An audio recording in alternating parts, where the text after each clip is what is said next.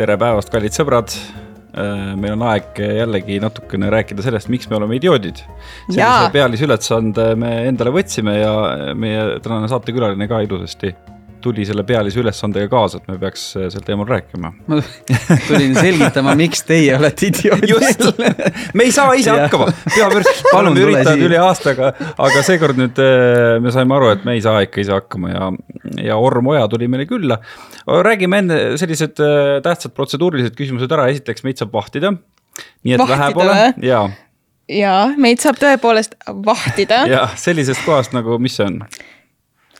TV3 Play, vabandust, see, iRoll ei olnud üldse praegu kuidagi kurjaga. TV3 no. Play on see koht. aga noh, mina näiteks olen selline inimene, kellele meeldib endiselt kuulata ja mind tohutult häirib see, kui ma kuulan podcast'e, mis on samamoodi videos.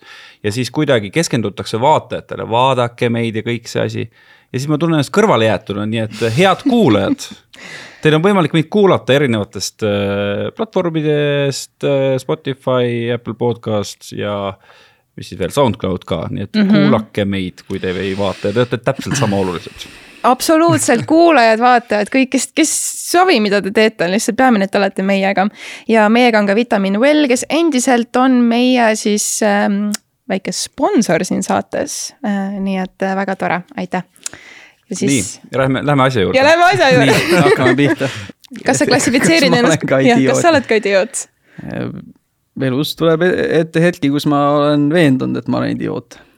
ja siis ma jälle nagu lükkan ümber neid hetki ja see on, ma, see on elu mm. -hmm. Mm -hmm mina olen tohutult äh, kokanduse fänn, ma ise ei oska eriti süüa teha väga halvasti oskan süüa teha, sa vist ise ka tead, kui halvasti ma oskan süüa teha. mul on meeles. jah, et äh, aga mulle tohutult meeldivad igasugused kokandussaated ja üldse mitte isegi võistlused, vaid tõesti sellised videod, kus noh, tehaksegi süüa, näidatakse, kuidas teha hästi süüa, kuidas erinevad, erinevates riikides äh, tehakse selliseid kohalikke roogi, kuidas külastatakse erinevaid selliseid väikeseid söögikohti.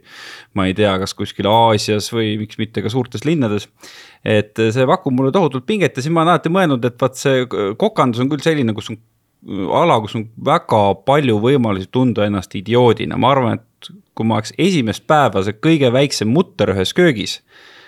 Siis kui see tramm ikka pihta hakkab, ma umbes teisel minutil tunneks end idioodina jah, ma olen märganud, et Eestis on, on teatav segment inimesi, kes tahavad käia nagu tipprestoranides praktikatel ja keegi, kes ei tee üldse seda tööd yeah., lihtsalt noh, et ma olen pankur, aga ma nüüd tahaks tulla profikööki ja siis olla seal neli päeva. ja, ja tõepoolest, nad näevadki seal välja nagu idioodid.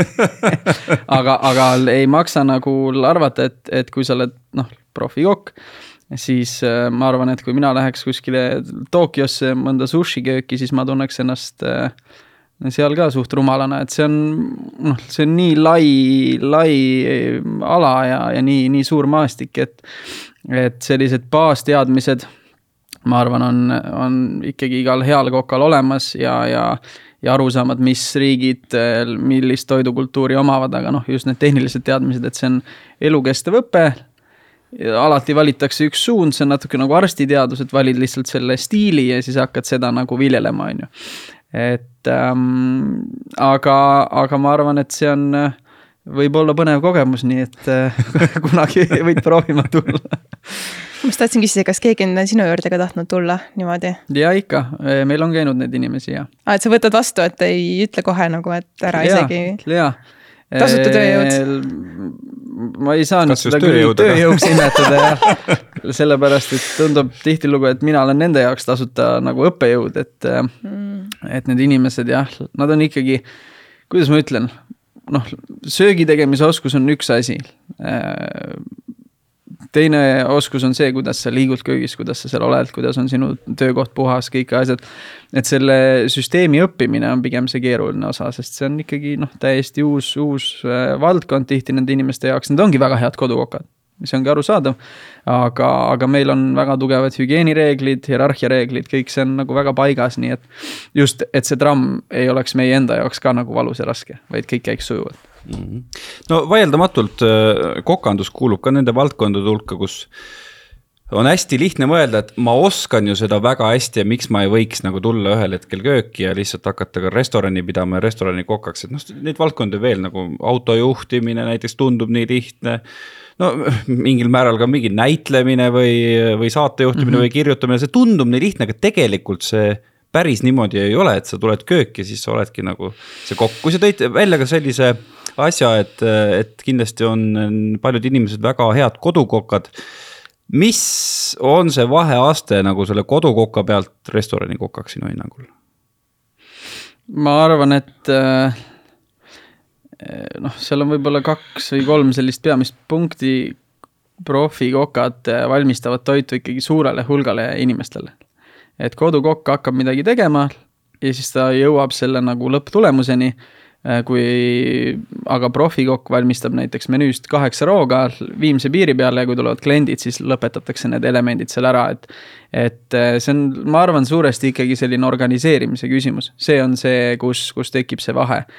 Ja, ja kiiruse küsimus, et ähm, või noh, muidugi see ilmselt on nagu õpitav aga, aga just see, see baasteadmiste hulk, et ähm, ma ei tea, kuidagi mul see vastus valgub hästi laiali mm, -hmm. et äh, ma olen näinud kodukokkasi, kellest, äh, kes on proovinud nii-öelda nagu restoranides hakata tööd tegema ja nii edasi.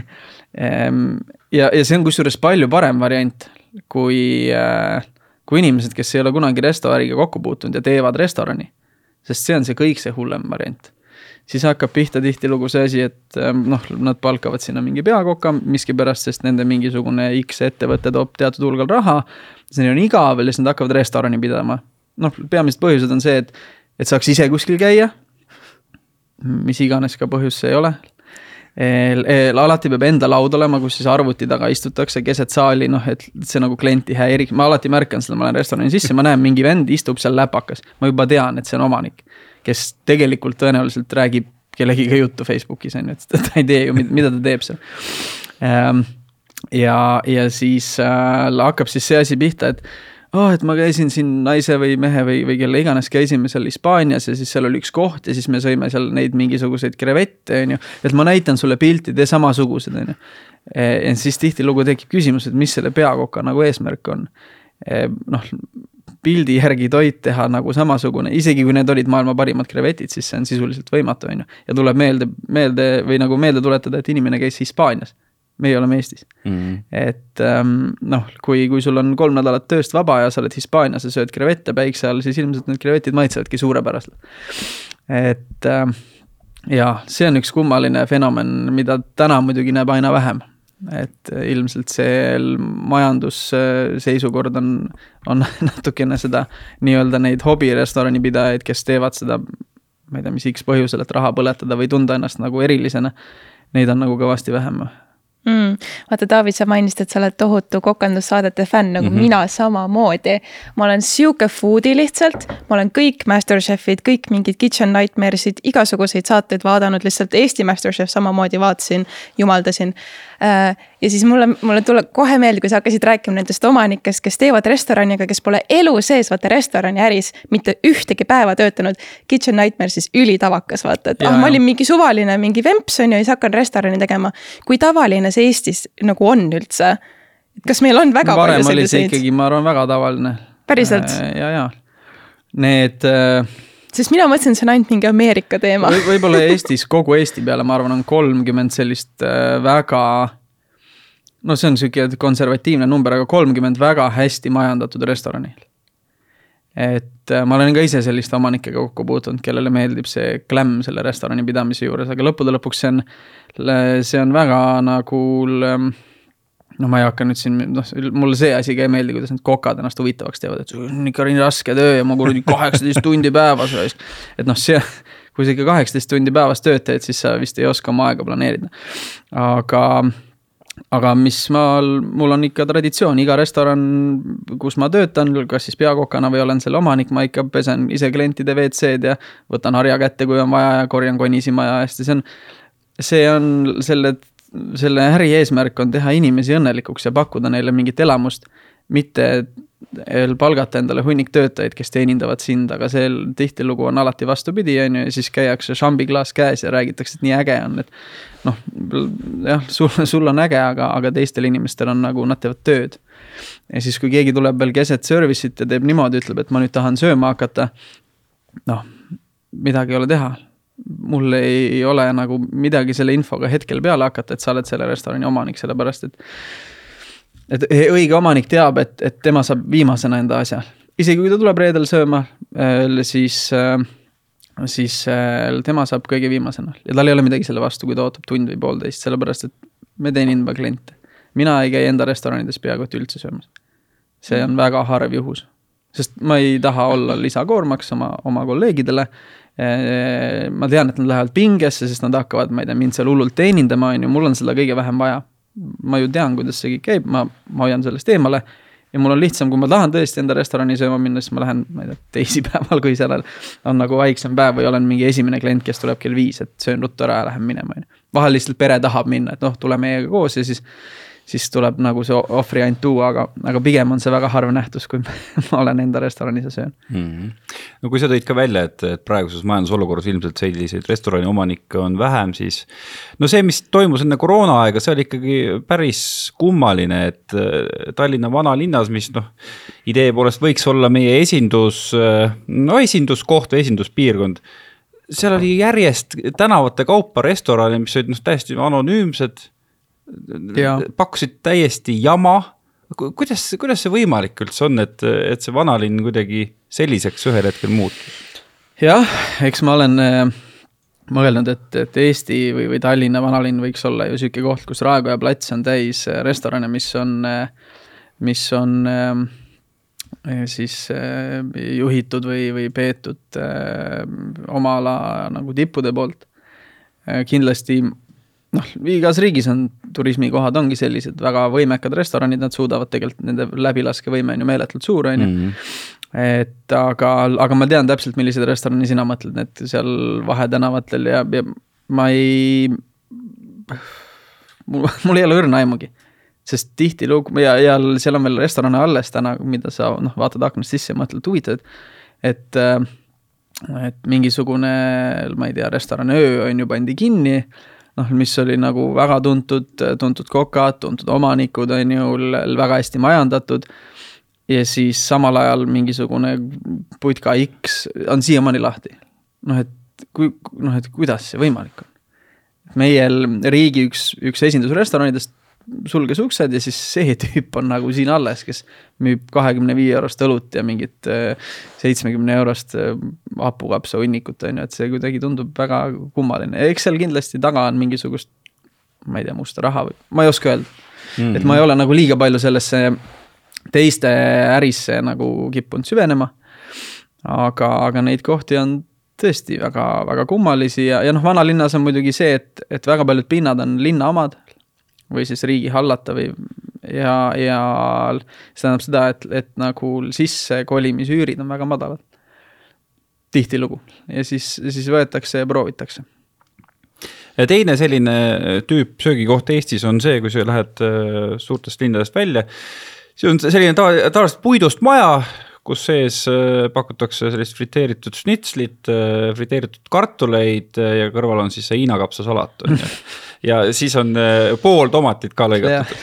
sümboolselt alati kuidas sa nendesse kohtadesse suhtud, sellepärast et, äh, et mingil määral on see ju nagu funktsioon äh, või funktsionaalne koht, mingil määral nagu võib-olla mingit teistsugust kohta või söögikohta need väikesed linnad ei, ei kannatakski välja, et milline sinu nägemus on neist ja kas sa ise ka külastad neid? ja mina külastan neid ma olen selles mõttes, mulle meeldivad siuksed äh, äh, ajastumärgid ja, ja mingid naljakad kohad, et, et kindlasti ma muidugi ma, ma, ma pruugin ka fine dining u restorane ja, või noh, tarbin neid kui tooteid. Aga, aga mulle meeldivad igast sööklad ja siuksed augud Eh, kus on eh, sardellid ja on naljakalt lõigatud ja ära frititud erinevateks spiraalideks ja, ja siis ja. kõrval on friikartul. minu meelest see on väga äge ja nagu ehe värk. Eh, et noh, ilmselt väiksemas linnas dikteerib klient selle, selle hinnataseme suuresti, noh, suures linnas samamoodi tegelikult ja, ja selle kvaliteedi, mis ta soovib saada, et päeva lõpus ju šnitsel on ikkagi väga hea toit mm. -hmm. mul ei ole selle vastu midagi. et äh, ja, ja mulle meeldivad väga, mul kaduv kunst on rotiburgerid mm.. Neid paraku väga palju enam ei näe yeah.. Äh, väga, väga lahedad ja siis äh, üks päev me just arutasime, et, et kõik teevad siin mingisuguseid pokekausse Tallinnas või üldse vist Eestis. noh, ma ei tea, miks, miks seda tehakse ja kellele, aga seda tehakse aga õige Eesti, see Ida-Euroopa street food on need kanabussid, mis on ära kadunud kunagi olid, noh, luuk lükati lahti ja siis need kanad keerlesid seal vardas mm. -hmm. see oli päris asi, see oli päris asi ja siis said selle kotikese on ju, seal sees oli see värske kana. just küpsenud on ju, leemega lasti veel üle enne pampu pistmist. ja siis kodus lammutati see nagu tükkideks, see oli nagu, mul endal tekkis üks päev julmalt selle isu ja siis ma sõitsin mööda Tallinnat ringi, otsisin. aga kuskilt ei leidnud, on ju, kõik kohad ongi täis mingisuguseid kausikesi mis ju teadupärast on Hawaii toit ja, ja noh, kui seda kaussi vaadata Hawaii'l, siis see on, väga harva on seal riis. peamiselt on see tuunikala ja siis mingisugune, kas siis puu- või köögiviljad seal sees, on ju. et, et tuuakse sisse mingi toode, mis ei ole isegi ligilähedane sellega, mis ta on nagu originaalis, siis müüakse seda originaali nime all ja siis tõenäoliselt tehakse seda veel lohakalt ka et see on minu üks nagu põhimõte, et täna ma olen astunud sammu tagasi sellest nii-öelda gurmeekokandusest, on ju. Ehm, ja, ja, ja teen lihtsat äh, Itaalia toitu. aga me piirame ennast nii palju, et me kasutame ainult neid tooraineid, mis on selles hooajas, mis on suuresti Itaaliast ja need retseptid on väga vanad, et me ei leiuta mitte midagi, me ei loo mingisuguseid uusi asju või me, me õpime äh, nende vanaemakeste pealt, kas siis videodest kohapeal käies äh,. lihtsalt teeme seda nii, nagu seal tehakse. see ei ole mingisugune õudne signature köök või midagi, on ju. ja, ja just sellepärast, et mingit asja nagu teha õigesti, sest noh, Itaalia toitu tehakse ka väga valesti mm. üle maailma kaasa arvatud itaallas endas. no loomulikult äh, ma arvan, et need äh, noored inimesed, kes on võib-olla Eestis selliste kiirtoidu pitsade peale üles kasvanud ja kes satuvad sinu toidukohta sööma seda pitsat, siis võib-olla nad ei saa alguses arugi, et mis kuradi pitsa see on. seda on ette tulnud äh, seda on ette tulnud, kus inimesed ütlevad, et või et see pitsa on kuidagi natuke vesine või et see on õline või et, et mis noh, mitte nüüd liiga palju ei tule seda ette, aga, aga ma, äh, põhiasi oli see, et, et see on natuke, margherita tellitakse, et see on natukene happeline. et noh, Itaalias võetakse tomatid, tehakse käte vahel katki, laotatakse mm. taignale, pannakse see mozzarella sinna ja see läheb ahju, on ju. ja see peabki olema happeline, sest taigen on iseenesest väga täidlane ja sealt tuleb ahjust suitsumaitse ja juust on rasvane. aga aga kui veel paar aastat tagasi iga asi nagu õudselt solvas mind või ma võtsin mingi kaitsepositsiooni sisse, siis täna on nii, et noh, et okei okay,, ta ei saanud sellest aru kui see ei ole meie tingitud viga, sest ka neid juhtub ikkagi köögis aeg-ajalt. ja, ja siis tuleb lihtsalt sellega leppida ja eluga edasi minna, et, et teha midagi väga autentset on, on väga raske. ma ei tea, carbonara pastaga, noh, see on ju, see on vinnutatud seapõsk, munakollane, pecorino juust ja, ja spagetid aga Eestis on see toit olnud, ma ei tea, kakskümmend aastat, vahukoor, peekon, petersell ja küüslauk et äh, ja kui seal teed carbonarat, siis seal küsitakse, et aga miks see selline on või mis sellega juhtus et ähm, ja, ja paraku see on midagi, millega sa pead lihtsalt nagu leppima, ma arvan, kui keegi kunagi hakkaks Eestis tegema sushit. noh, nagu tehakse Jaapanis, siis äh, ma nüüd ei tea, seda kohta kindlasti saadakse edu, aga mingi vägasuguse niši kontingendi seas, sest inimesed on harjunud mingi teatava stiiliga, on ju, või. või, või kui keegi hakkaks tegema nüüd neid päris pokekausse, siis no võib-olla, no ehmatus oleks kindlasti suur, on ju. ja see ei ole kliendi süü ja see ei ole restoranipidaja süü, mõlemad tahavad ju ikkagi päeva lõpus head asja teha. ega need, need tüübid, kes teevad sushit või pokakausse või mis iganes, nad ju pingutavad, et ja, ja tihtilugu see võibki hästi maitsta. see lihtsalt ei ole nagu sada protsenti autentne mm.. et ja noh, see on muidugi siis juba omaniku ja koka enda asi, kas ta tahab ajada mingit kindlat joont või, või ta tahab vigurdada, on ju kas klient on kuningas? ei. väga õige mul üks hea sõber ütles, et iga klient ei ole kuningas ja iga kuningas ei ole ka klient et äh, mm, ma olen sügavalt seda usku, et äh, kui klient tuleb meile külla meil kelnerid ja, ja teenindajad kutsuvad neid inimesi külalisteks, neil on endal nagu arusaam sellel teemal. minu jaoks on see sõnakõlks, klient, külaline, sööja, noh, see on nagu üks, üks sama asi. siis äh, nad tulevad ikkagi nagu külla, nagu koju, et, et tihtilugu need töötajad on rohkem seal restoranis, kui nad on oma kodus. ja nad teenindavad kedagi, et äh, kindlasti olen ma näinud väga palju enda töö juures, noh, varem ma olen töötanud hästi palju restoranides, kus on avatud köögid, kus ma näen vahetult klienti ja, ja kelnereid. ja olen näinud sellist äh, alandavat käitumist äh, klientide poolt just äh, teeninduspersonali suhtes. et see, seda on hästi nagu kurb vaadata, mõni tüüp või, või naine joob ennast seal lõviks ja, ja siis otsustab, et, et nüüd on aeg hakata siis teenindajat karistama oma kohaloleku ja, ja sellega, et mis iganes, mis staatus tal iganes ka ei ole. ja selliste inimestega tuleb lihtsalt nii käituda, et, et palud, palud lahkuda mm.. see on, see on paratamatus. aga kas neid satub väga tihti siis? ei, inimesed üldiselt on ikkagi nagu toredad ja head ja, ja, ja meeldivad. aga on ette tulnud aga millest see siis tingitud on, kas see on puhtalt tõesti sellest, et natukene liiga palju on vägijooki tarbitud või, või kuidagi on äh, mingile seltskonnale jäänud mulje, et kui sa istud lauda ja sa lõpuks tasud arve, et siis on sul kõik lubatud? ma arvan, et nii üht koma teist mm,. noh, muidugi mul on tunne, et restoraniäri või toitlustus üldse on ähm, ja hotellindus sealjuures on selline igavesti vastuste otsimise business, et mis see õige on ja mis see vale on ja ja, ja mis piirini sa pead klienti kohtlema sajaprotsendiliselt, nii et tal on õigus ja, ja vastupidi, et alati on hea kõik konfliktid lõpetada pigem ülevoolava positiivsusega kliendi osas, kui hakata teda sealt nüüd äh, mantlinööbist saalist välja kiskuma.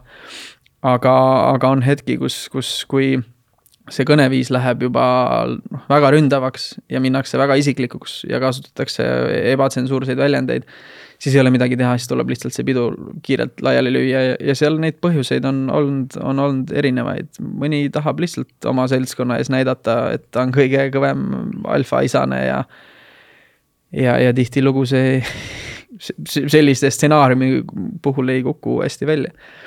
sest lõpuks, kui ei saa töötaja tema väljasaatmisega hakkama või ei saa mina sellega hakkama, äh, siis äh, saavad sellega seadusorganid hakkama. ja noh, see on tohutult piinlik, kui mm. sa lähed sõpradega restorani, hakkad seal oma äh, võimupositsioone paika panema ja lõpuks tuleb siis mundris mees ja eskordib sind välja, et noh. aga nii kaugele olen ma näinud enda karjääri jooksul kolm korda võib-olla asja minemas no kui natukene veel äh, klientide mm, suhtumisest rääkida, siis samamoodi kõikides nendes äh, kitchen nightmare ides, äh, mis muidugi ei ole elu peegeldus, on ju hästi tavaline ka see, et klient saadab toidu tagasi mm. -hmm. Eestis nagu, mina ei ole sellist asja näinud ega kuulnud, et kas Eestis sellist asja on ja. sina ja... ei julge vaata, sa ei julge nende teenindajatega rääkida. ei, kas sul on tagasi, aga kas üleüldse, noh, kuidas see on, et kui klient saadaks sulle toidu tagasi, kas okei okay, või, või sa ikkagi. ma olen, ma olen, ma olen väga toidu äh,, tähendab, noh, mis need stsenaariumid on, kui klient Nii. ei ole rahul? A, saadab toidu tagasi. B ta sööb selle lõpuni, vaikib ja lihtsalt tal on teadmine, et see ei maitsunud talle, ta ei tule enam tagasi. vaid C-l ta räägib kõigile, kui halb see oli. ja, ja siis kirjutab kuskile veel mingi review. ja, ja nii edasi, nii edasi, nii edasi. Noh, siis see tagasisaatmine on kõige parem, sellepärast et inimene või kokad saavad reageerida, sest noh, kui me nüüd arvutame välja, on ju noh, kui restoranis käib keskeltläbi sada inimest õhtul, võtame lihtsalt suvalise konservatiivse numbri, on ju. siis väljastatakse per inimene keskmiselt kolm koma kolm käiku. noh, ja kokkasi on neli. noh, siis iga kokk teeb nagu paarkümmend toitu ja seda mhm. tehakse kahe tunni jooksul et noh, nüüd mõelge selle peale, et mitu korda te olete teinud kahe tunni jooksul kaheksakümmend portsu, ma ei tea, steiki, noh null korda elus on ju. Ehm, ja, ja nad on ka inimesed ja, ja neid asju juhtub, tehakse kõike, pingutatakse väga selle nimel, et neid vigu ei juhtuks. noh, see ongi kokanduse, ma arvan, üks suurimaid eesmärke, aga need alati juhtuvad tooraine on ka loodus, seal on iga loom on erinev, on ju, mõni on natukene vintskema kiuga, mõni on pehmem, on ju. et, et need asjad ei tule kuskilt vabrikust välja ja, ja seal on alati nagu mingi eksimisvõimalus ja jällegi tsiteerin oma ühte head sõpra, kes on kõva melomaan, ta ütles, et äh, kontserdi ajal ongi kõige parem näha, kui näiteks kitarrist natuke mööda mängib, et siis saad aru, et maestro on ka inimene. ja me, me kõik eksime nii et, et kui näiteks ollakse küpsetusastmega rahul, siis on kõik õnnelikud, aga kui ei olda, siis on võimalus see tagasi saata, öelda kohe, et vabandust, see on kas üleküpsenud või alaküpsenud. kelner teoreetiliselt peaks reageerima ja selle vea kõrvaldama. palju totram on minu meelest see, kui minnakse kuskile, äh, et, et sa oled restoranis, siis sööd, siis sa ei ole millegagi rahul. tuleb kelner, küsib, kas te olite rahul mm, -hmm. siis öeldakse mhmh ja siis minnakse ära ja siis taksos tõmmatakse see, ma ei tea, ma tegelikult ei loe neid review si kunagi, aga tehakse mingi äpp lahti ja siis kirjutatakse sinna, no nii. et eh, kuradi raibe raisk, et noh, ja siis hommikul tuled tööle, siis tuleb, eh, ma ei tea, kaasomanik. kas sa lugesid eile seda? noh, ma mitte kunagi ei loe neid, on ju, mida ma siis lugesin, siis vaatad kuradi liha oli üleküpsenud, on ju, mingi ilge sõim käib ja siis sa vaatad seda ja mõtled, aga see vend oli eile siin, talt küsiti palun öelge teie mulle, nüüd kas selles olukorras olen mina idioot või kas ma saan nagu valesti aru et ja siis muidugi võib-olla vahel üritatakse välja nii-öelda kalastada mingisugust kinkekaarti või mingisugust paitamist või mis iganes. mis on ka vahel õigustatud, tõepoolest, ma ütlen jälle, kui on tehtud viga, kelner ei tegele sellega, seal on alati mingi väike eksimisruum, on ju. noh, ja, ja ma olen toonud selle võrdluse ka, et, et kui ma võtaks nüüd, ma ei tea äh, mõne Eesti draamanäitleja tekstid, on ju, ja siis läheks teatrisse ja siis ajaks sõrmega joont, ma arvan, ta paneks nagu kõvasti pange seal. noh, kogu aeg paneks pange. Mm.. Ehm, aga, aga ma ei tee seda, et väga, väga naljakas on just, et jah, et see sektor on, on saanud endale nagu selle mm, võimendi juurde, et inimesed saavad jätta nagu avalikke review si, et. et ma olen käinud pangas väga mitu korda ja saanud väga halba teenindust, aga, aga mul ei ole mitte kuskile kirjutada mm. -hmm. et eh, noh, ma võtan X nime taevast, Nordea pangas oli kohutavalt ülbe teller, kes luges raha valesti, on ju. lollakas eh, hüüumärk, ärge minge sinna äh, vargad. sa saad Facebooki kirjutada. ei noh, kuulge, ma ei käi Facebookis, noh, ma selles mõttes, et et kogu see, see, see mingi nutivärk on nii üle võlli läinud, kõigil on kogu aeg nii õigus. ja, ja vahel ongi kliendil õigus ka, see on normaalne. Ja aga, aga lihtsalt kõik arvavad, et nad on jube tähtsad mm. ja ma ei tea, miks. aga kui me oleme ikkagi seal konkreetses kontekstis, et äh, tõesti klient sel hetkel nagu justkui ei ole millegagi rahul, minul on ka elus ju selliseid asju juhtunud, aga ma tõesti ei ole kunagi midagi tagasi saatnud, ma olen nagu ära söönud ja pärast on öelnud, et väga hea oli ja siis pärast ei ole kuhugi kirjutanud ka. minul on kusjuures, ma kiirelt ütlen, ma oma kelnereid tegelikult üritan õpetada, et kui ma noh, tuleb uus kelner, ma küsin, et kas sa küsid ikka, et kuidas toit maitses. ja siis nad ütlevad, no kui näiteks poiss on ju, siis et ja ikka küsin, iga kord küsin. ja siis ma ütlen, et tead, et kui sul nüüd hommikul ärkad naise kõrval üles, on ju noh, armastad teda ja värki, on ju ja siis noh, võib-olla eelmine õhtu käisite veini joomas ja uni on natuke lühikeseks jäänud ja tuba oli hästi palav öösel, tead, päike paistab sisse ja siis ärkate üles seal noh, võib-olla varem ka, sest mingi vend hakkas, ma ei tea, lehti puhuma seal selle asjaga. no sihuke neli tundi maganud mm. -hmm. ja siis naine küsib, et kas ma olen kõige ilusam naine maailmas, noh niimoodi silmaalused on veel natukene sinised on ju. siis vaatad otsa ütled, kallis, sa oled kõige ilusam naine maailmas isegi kui ta võib-olla sel päeval on natukene rohkem väsinud kui tavaliselt. ja seesama kehtib selle, selle kelneri kohta ka, et inimesed ütlevadki alati, et neile maitses mm, -hmm. peaaegu alati. Aga ma mõtlengi selles mõttes, et kui ma ei ole millegagi rahul, no mina isiklikult, ma võib-olla kardan seda, et kui et kas ma just pahandada saan, aga ma peaks hakkama põhjendama, et millega ma rahul ei ole, kui vaat see küpsusaste on veel midagi. aga kui midagi muud on, ta küsib, et millega ma ei ole, kurat, mina ei oska seletada, siis hakkab jälle jändama ja ma ei tea mida. et lihtsam on lihtsalt sellest olukorrast kuidagi välja minna, et kuidas see asi on, et kui ma millegagi tõesti ei ole rahul. ja tekib esimest korda elus soov, et ma saadan selle nagu tagasi, et no võta. et kas siis klient ütleb jah, okei okay,, et siis läheb saba sorgus kööki või, või sa pead hakkama seal ikkagi nagu arutama, et millega sa täpselt rahul ei ole ja kas see on see nagu... oleneb kindlasti restoranist ja, ja sellest koolitusest mm,.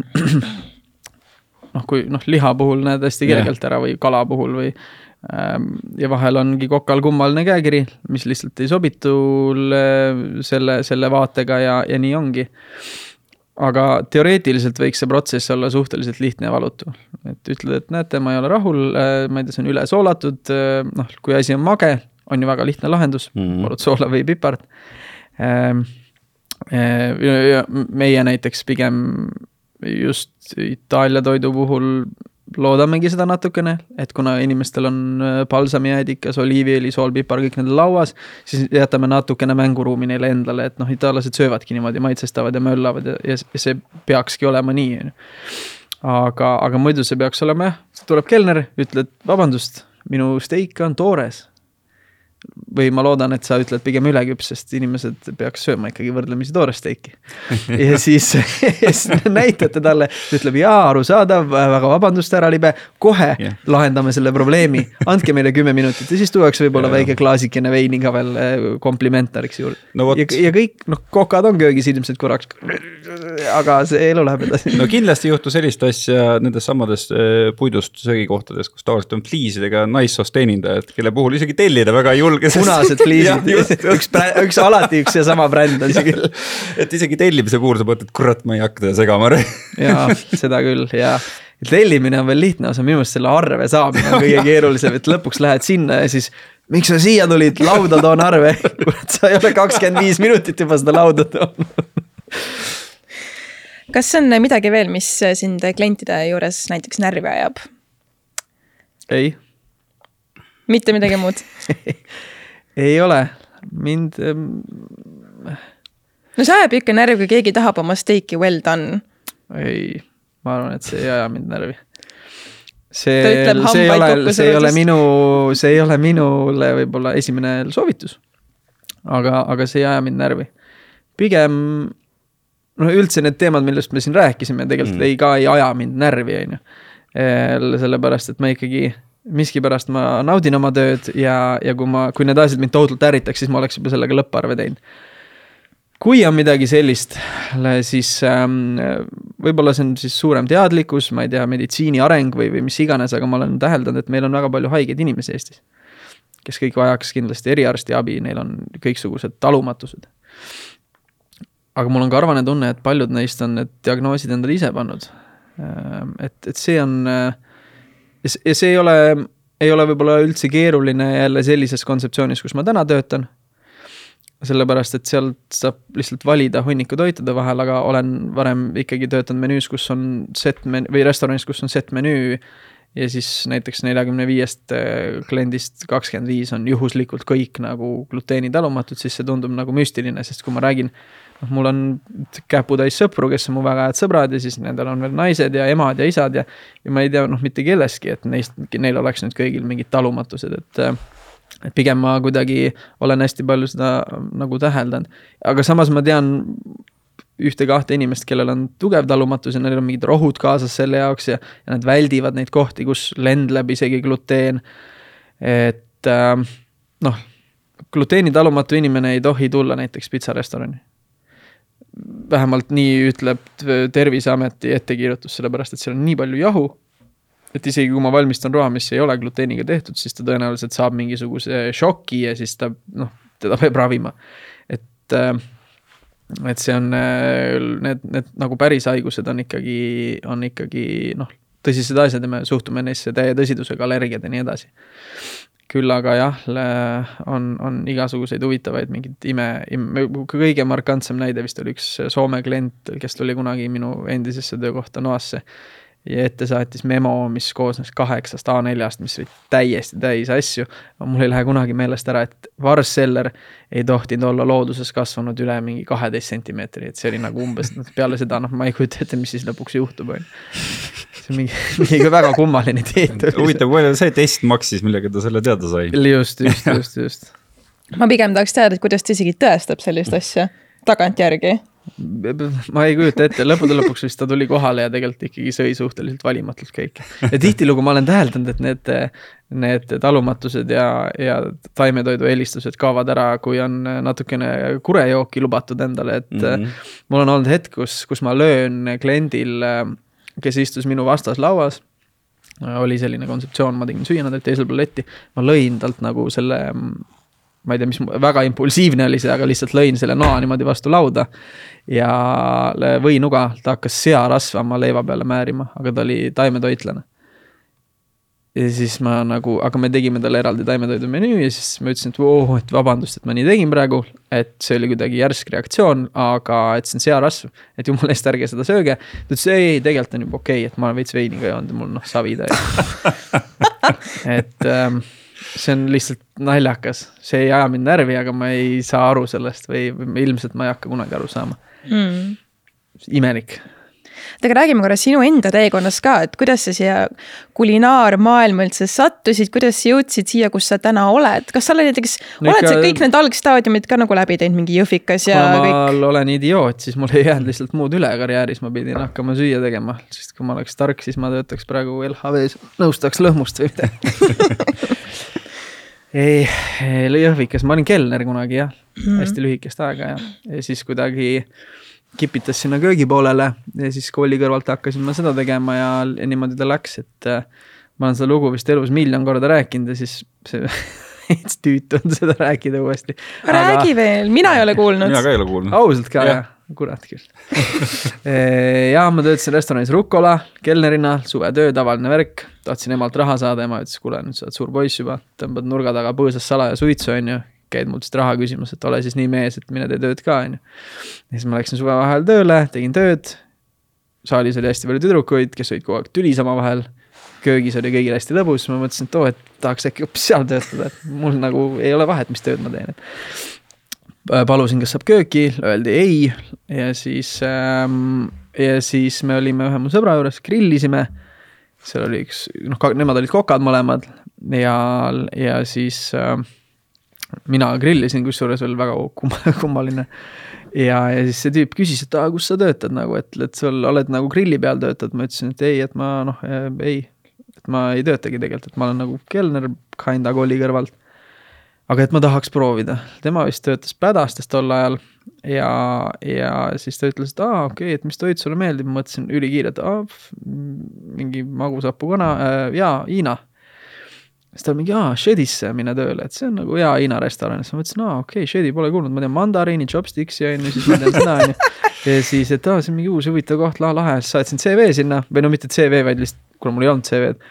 mingi ülipika kirja, kuidas see on mu elu ja mu kirg ja mingi kutsumus ja ma mingi tean, et ma olen võimeline kõike tegema ja siis äh,. ma ei leia seda üles, seda kirja, see on päris, ma arvan, et see oli päris armas.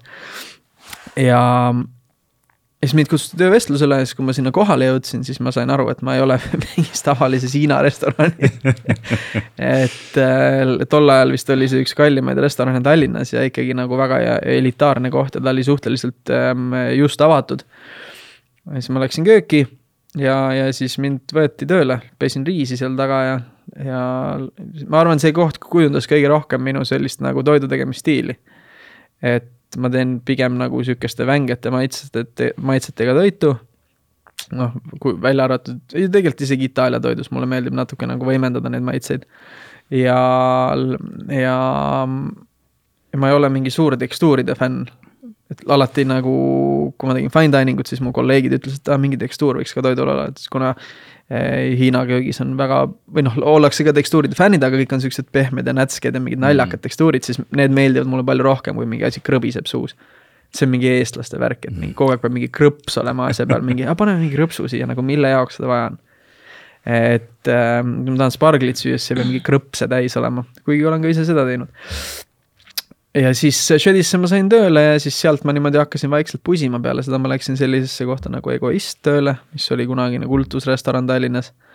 sealt number üheksasse ja niimoodi ma läksin, kuni siis jõudsin Noasse, siis tuli Priori. ja siis Priorist läksin tagasi Noa peakoka poolele juba siis peakokaks. ja siis olin seal äkki neli aastat, numbritega natuke halb selle koha pealt. ja kuidagi sellest mul sai lihtsalt isu täis või, või kuidagi see on hästi, see on omakorda nagu kogu kokanduses on väga spetsiifiline, on see fine dining'u nagu osa. ja siis ma mõtlesin, et mis mulle siis meeldib. siis mulle meeldib makarone süüa ja siis ma hakkasin Itaalia toitu tegema ja olen selle peale hetkel nagu seisma jäänud. kuigi ma pean vist ennast tegelikult ikkagi selliseks gurmeekokaks, aga lihtsalt see, et ma tunnen, et täna on see mingi etapp mu elus, mida ma naudin ja kindlasti kunagi võtan need pintsetid ka uuesti kätte, aga, aga täna, kui ma vaatan seda rabelemist nende tärnide nimel ja, ja vahel ja, ja noh, teades kõiki neid inimesi, kes nende nimel võitlevad, et siis ma ei saa üldse aru, mille nimel nad võitlevad või kuidagi. sa ei ihalda seda Michelini tärni? ma olen seda ihaldanud ja no ma arvan, et, et kui ma ütleks, et ma seda üldse ei ihalda, siis ma valetaks ka, on ju. lihtsalt ma teadvustan endale, mida ma täna teen et ma pean pitseriat ja, ja sellest üle tee väga klassikalist Itaalia restorani. et ma ei loo endale mingit valekujutelmasi, et mul on võimalus seda saada, sest see on täiesti noh, me, nagu töötame nagu rahvale. ja vahet pole, kui hästi me nagu seda toitu teeme, see ei ole reaalne, see ei juhtu mitte kunagi, on ju, see eeldab hoopis teistsugust süsteemi, restorani, toitu, menüüd, kõike seda kui ma hakkan kunagi fine dining ut tegema, siis ma kindlasti ihaldan seda mm.. aga need on, ma elan nagu eraldi hetkedes. aga, aga olles, olles nagu teinud nii tööd, et, et kogu aeg pead olema, võitma neid auhindu, ma ei tea, olema Baltikumi parim ja, ja ma ei tea, kuskil toppidest kogu aeg sees, on ju. siis see on nagu väga närvesööv, vähemalt minu jaoks. võib-olla, võib-olla mõne koka jaoks ei ole. aga, aga aga need, kes nende tärnide eest täna võitlevad Eestis, nad on kindlasti oluliselt närvilisemad inimesed, kui mina täna olen. kas see tärnide eest võitlemine, kas see on äh, prestiiž või see võrdub ikkagi raha? ei, raha see küll ei võrdu. selles mõttes, et need restoranide, see sisend, mis läheb sinna tööjõu, noh, see tööjõusisend kõik see cutlery, äh, noad ja kahvlid mm, -hmm. taldrikud, ähm, kogu see elamus, see on nii kallis, selle ülevalpidamine. Ähm, ühe taldriku hind on seitsekümmend eurot, noh, see on, sul läheb vaja, oleneb restorani menüüst, aga keskmiselt seitse kuni neliteist erinevat komplekti taldrikuid, kõiki sada tükki äh, noad, kahvlid on käsitööna tehtud, noh, see on nii kallis asi, et, et teha iseseisev restoran, mis, äh, mis teeniks nagu tohutult raha või üldse nagu niimoodi, et oleks nagu äriliselt huvitav. gurmeerestoran, ma arvan, et äh, meil ei ole sellist, mis teenib raha täna. ma ei tea, kuidas seda teha. et need on ikka puhtad nagu sellised fine dining fännid, kes nagu. Nendele makstakse kindlasti Eestis peale mm, -hmm. nii noas kui saja kaheksakümnes, sada protsenti. Täna sinu äh,, sul on kaks restorani, on ju, nagu sa mainisid, üks on siis äh, La Cucina di Ormoja, teine on siis äh, Pizzeria di Ormoja, on ju. nii, aga see hästi labased nimed aga ma just tahtsingi küsida, et see La Cucina di Ormoja kandis enne nime ju Trattoria La Bottega, et millest siis see nime muutus, et? Ehm, mina ei ole nime muutnud, sellepärast et ähm, ma ei olnud selle restorani eelmine omanik mm. -hmm miks selle restorani eelmine omanik selle restorani otsustas sulgeda, seda peab juba tema käest küsima mm. -hmm. aga see restoran äh, pandi kinni ja, ja siis see pind lihtsalt vabanes. et mingit nagu nime me ei, ei otseselt ei muutnud mm. -hmm aga kuidas on üldse sinu nimega, ma mõtlen, et äh, nüüd ju ikkagi väga paljud eestlased teavad, kes on Orm Oja, kes ilmselt enne ei teadnud kes on Ormoja tänu Masterchefi saatele, et kas sa oled tundnud, et nüüd on ka, ma ei tea, rohkem inimesi näiteks sinu restoranides tänu sellele? kusjuures, kui, kui võrrelda, mm, küll ma töötasin enne La Bottegas, võrrelda seda aega, siis ega nüüd mm, kiiretel kuudel alates sügisest äh, sinna veebruari alguseni on, on maja enam-vähem kogu aeg nagu täiesti täis. Ja, ja detsembris ja novembris ja jaanuaris tekivad sellised kahenädalased ooteajad, et lauda saada. ja vahepeal õnnestub sinna nagu sisse kukkuda. Mm.. ja no ma ei tea. Ma ei oska öelda, võib-olla, ma ei ole nagu neid numbreid niimoodi võrrelnud ja ma ei saagi, sellepärast et ma ju ei pääse ligi vanale infole. aga, aga kindlasti on võib-olla jah, kliente, kes nagu enne tulid toidu pärast, siis nüüd tulevad, et kas see tüüp on siin ka või ma olen pigem seda märganud, et kui ma Rakvere või see, mis Rakvere, Saaremaa praamil hot dogi sõin, siis mingi vanamees tuli, võttis varrukas kinni, ütles. sina sööd sellist toitu Siukseid asju on rohkem juhtunud, aga ma ei kuidagi, selles saates on väga tore olla ja seda teha, aga ma olen inimesena hästi tegelikult privaatne ja ma pi- pigem väldin tähelepanu või, või ma ei tea, inimesed vist arvavad, et mulle hullult meeldib esineda, aga tegelikult ma ei tea, ma lihtsalt muutun korraks jutukaks, ma olen sihuke lärmakas introvert. et kõik, kes loodavad, et sa oled ka seal kuskil äh, keskel istud äh, läpakaga, siis Jaa. ei ole. ei, ma olen köögis, riivin peiti. kuule, mul korra meenus üks mõte, mida sa siin äh, paarkümmend minutit tagasi ütlesid, et ka Tallinnas klient dikteerib hinna, kuidas see võimalik on? Kui Tallinnas No. minnes sööma tundub, et äh, kõik on kallis. kõik on kallis, jah. ma tahaks aga vähem tööle maksta, minnes ei tundu, et vähe palka saad tundub küll. ei noh,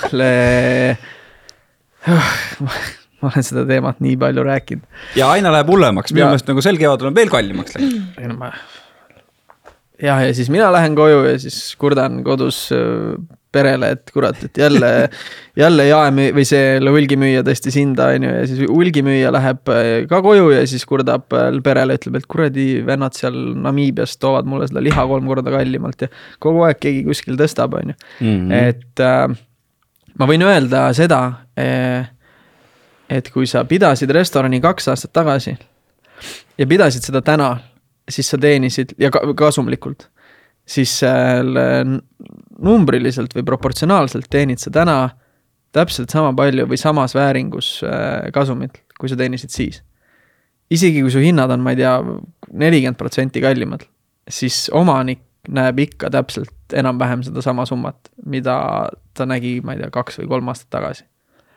ja ma, ma ei mõtle nüüd, et, et ma mõtlen sedasama numbrit, jah, ja, mitte, mitte, et nüüd on, vaata tema nüüd saab ka kolmkümmend prossa rohkem, vaid lihtsalt sedasama numbrit. ja seda on nagu tohutult keeruline inimestele selgeks teha. minul ei oleks vahet, kas, kas asi maksab kümme eurot või kakskümmend eurot, kui see toob mulle sellesama tulemi ehm,. aga, aga lihtsalt kogu sisend on nii palju kallimaks läinud, et üldse jõuda sellesama tulemuni, tulemini peab see asi olema kallim. ja samamoodi on läinud tööjõud nagu ma ei tea, kolmkümmend viis prossa kallimaks, vähemalt restoranides, kus on see nagu väga spetsiifiliselt tõusnud võrreldes teiste sektoritega. kuna koroona lihtsalt äh, hävitas siis selle turu töötajaskonna täielikult, inimesed leidsid uued ametid, vahetasid seda, ei tahtnud selles volatiilses keskkonnas olla, on ju. kogu aeg kinni lahti, siis kella kuueni lahti, siis ma ei tea, pool päeva lahti, siis take away, siis karbi seest, siis ilma karbita, siis peopesast, siis põrandalt, siis kuradi õhust, noh iga päev oli mingi uus reegel. Et äh, inimestel oli lihtsam minna lihtsalt vaisi tööle ja läpakas teha tööd, kõik Mhm. äh,. kindlasti on Wise väga tore töökoht, aga, aga lihtsalt noh, see, on, see on turvaline ja, ja see on iseenesestmõistetav, inimesed tahavad alati, et, et, et see oleks, oleks turvaline. et see on äh, jah. ma ütlen, ma arvan, iga restoranipidaja mõtleb, et ta oleks õnnelik, kui, kui see, kui, kui ta saaks hoida toitu odavamalt. sellest räägitakse tegelikult väga palju selles ringkonnas sees ja, ja, ja ka ja tegelikult ka nagu meedias, noh, Kristjan Pääske on väga sõnakas olnud, et lõppude lõpuks meie ju, mina ju saan aru, kus on kliendi valulävi. klient ei saa mitte kunagi aru, kus on minu valulävi. tema ei näe selle toote omahinda või sisendhindu või töötaja hinda või kui palju neid inimesi seal on, teda see ei huvita, ta tahab saada asja, ma ei tea, kahekümne euroga või, või kümne euroga on ju ja tahab kõhtu täis saada ja kõik.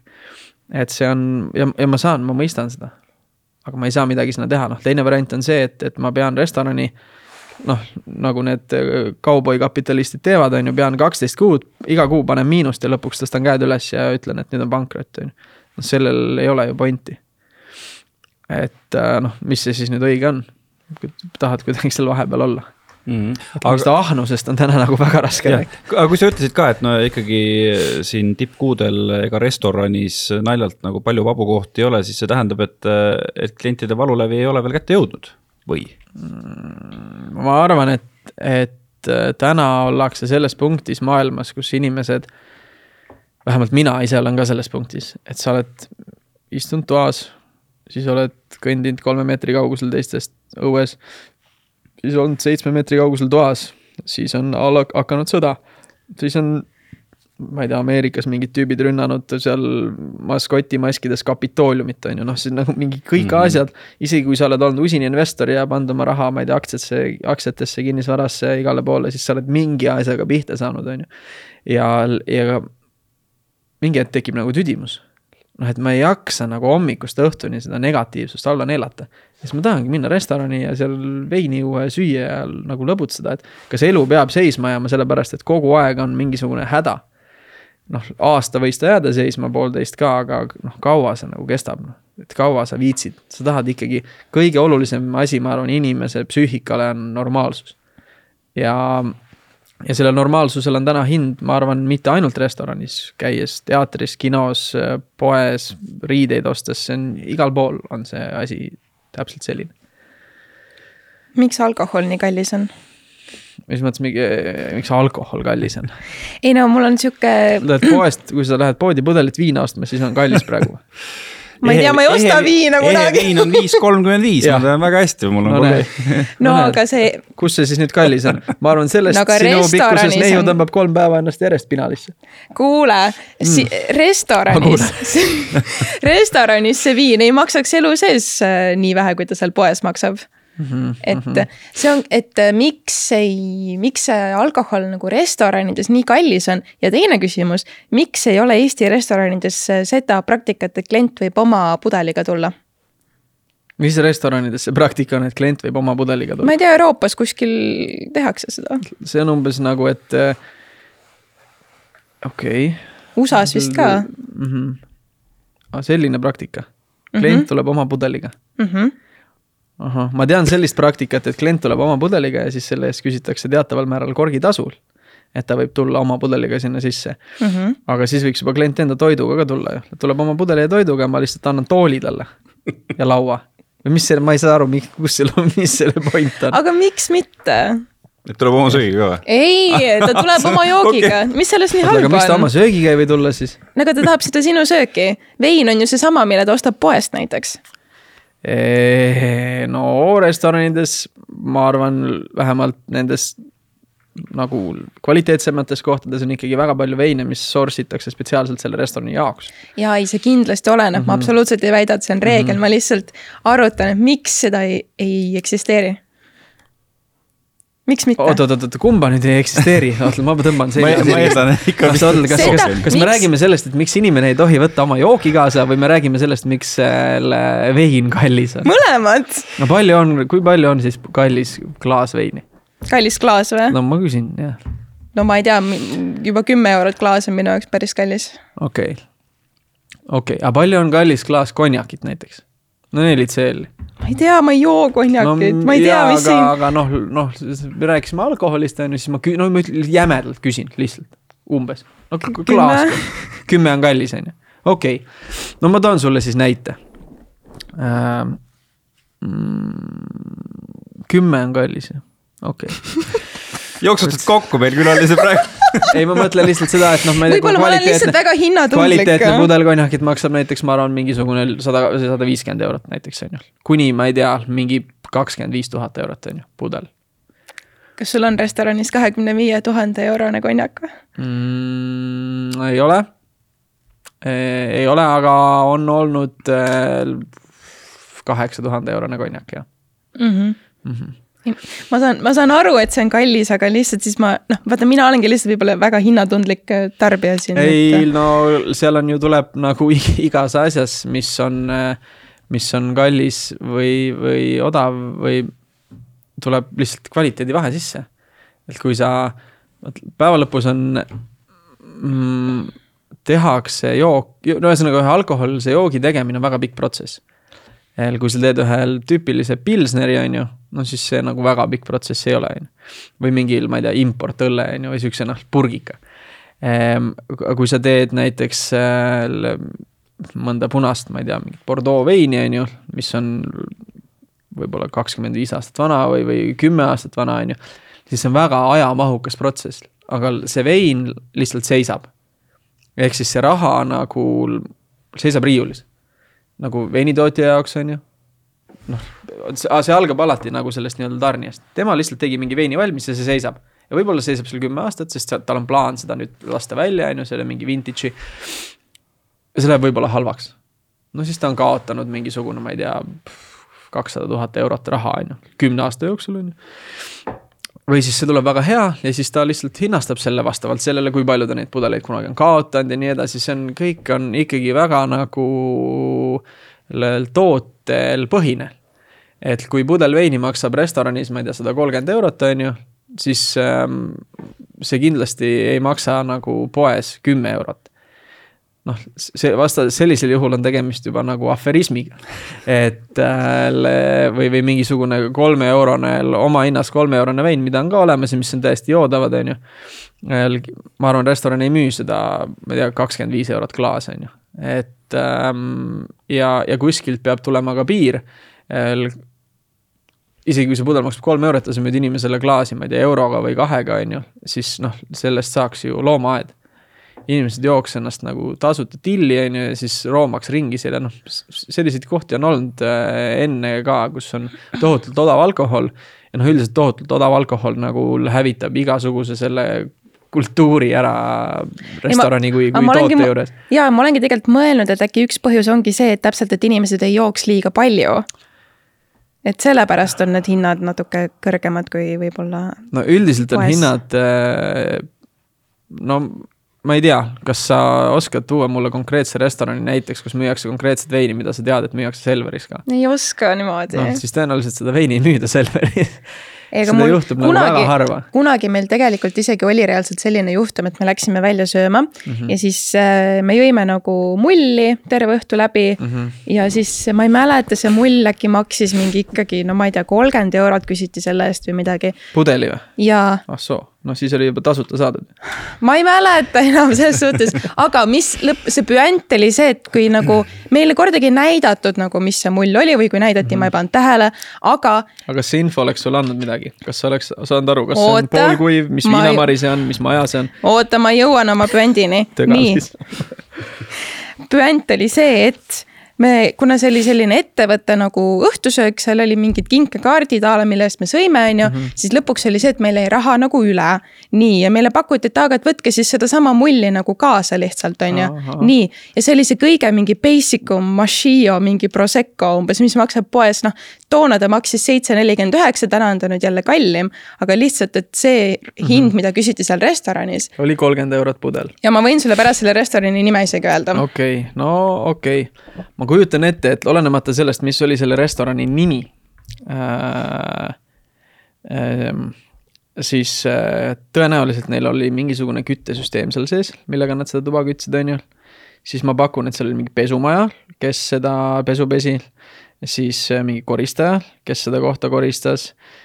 noh, siis äh, köögitehnika, mis varand-, vajas kogu aeg parandamist, on ju, siis äh, noh, WC-d kipuvad lagunema, sest inimesed kipuvad neid lõhkuma miskipärast kogu aeg, ma ei tea, miks, on ju. siis seal oli hunnik teenindajaid, kes tegid tööd, on ju, siis neil olid tõenäoliselt seljas riided ma lihtsalt spekuleerin, aga arvan, et neil võisid olla selles li- riided äh,. Jalatsid äh,. väga suur tõenäosus on, et need töötajad said palka seal töötamise eest, mis on kusjuures väga suur tõenäosus. ja siis ähm, ma ei teagi, kindlasti oli seal veel midagi, mis mul praegu nagu, aa noh, taldrikud kindlasti lähevad vahepeal katki, on ju et äh, kui nad nüüd oleks müünud seda seitsme eurost Proseccot kümnega teile ja ah, muidugi saab ka selle kallal vinguda, et kui sa lähed poodi ja ma ei tea, sööd restoranis brokolit ja kana on ju, siis lähed poodi. brokoli on ju kuradi seitsekümmend üheksa senti poes on ju. et miks see restoranis siis kümpa maksab?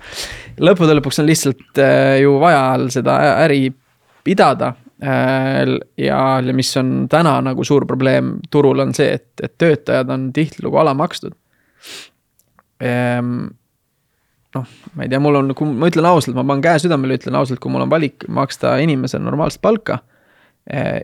ehm, või küsida kliendilt vähem raha. siis ma olen nende inimestega töötanud kõigiga keskmiselt kaheksa aastat koos, ma tean nende, ma ei tea, emade nimesi ja, ja kõike seda, on ju.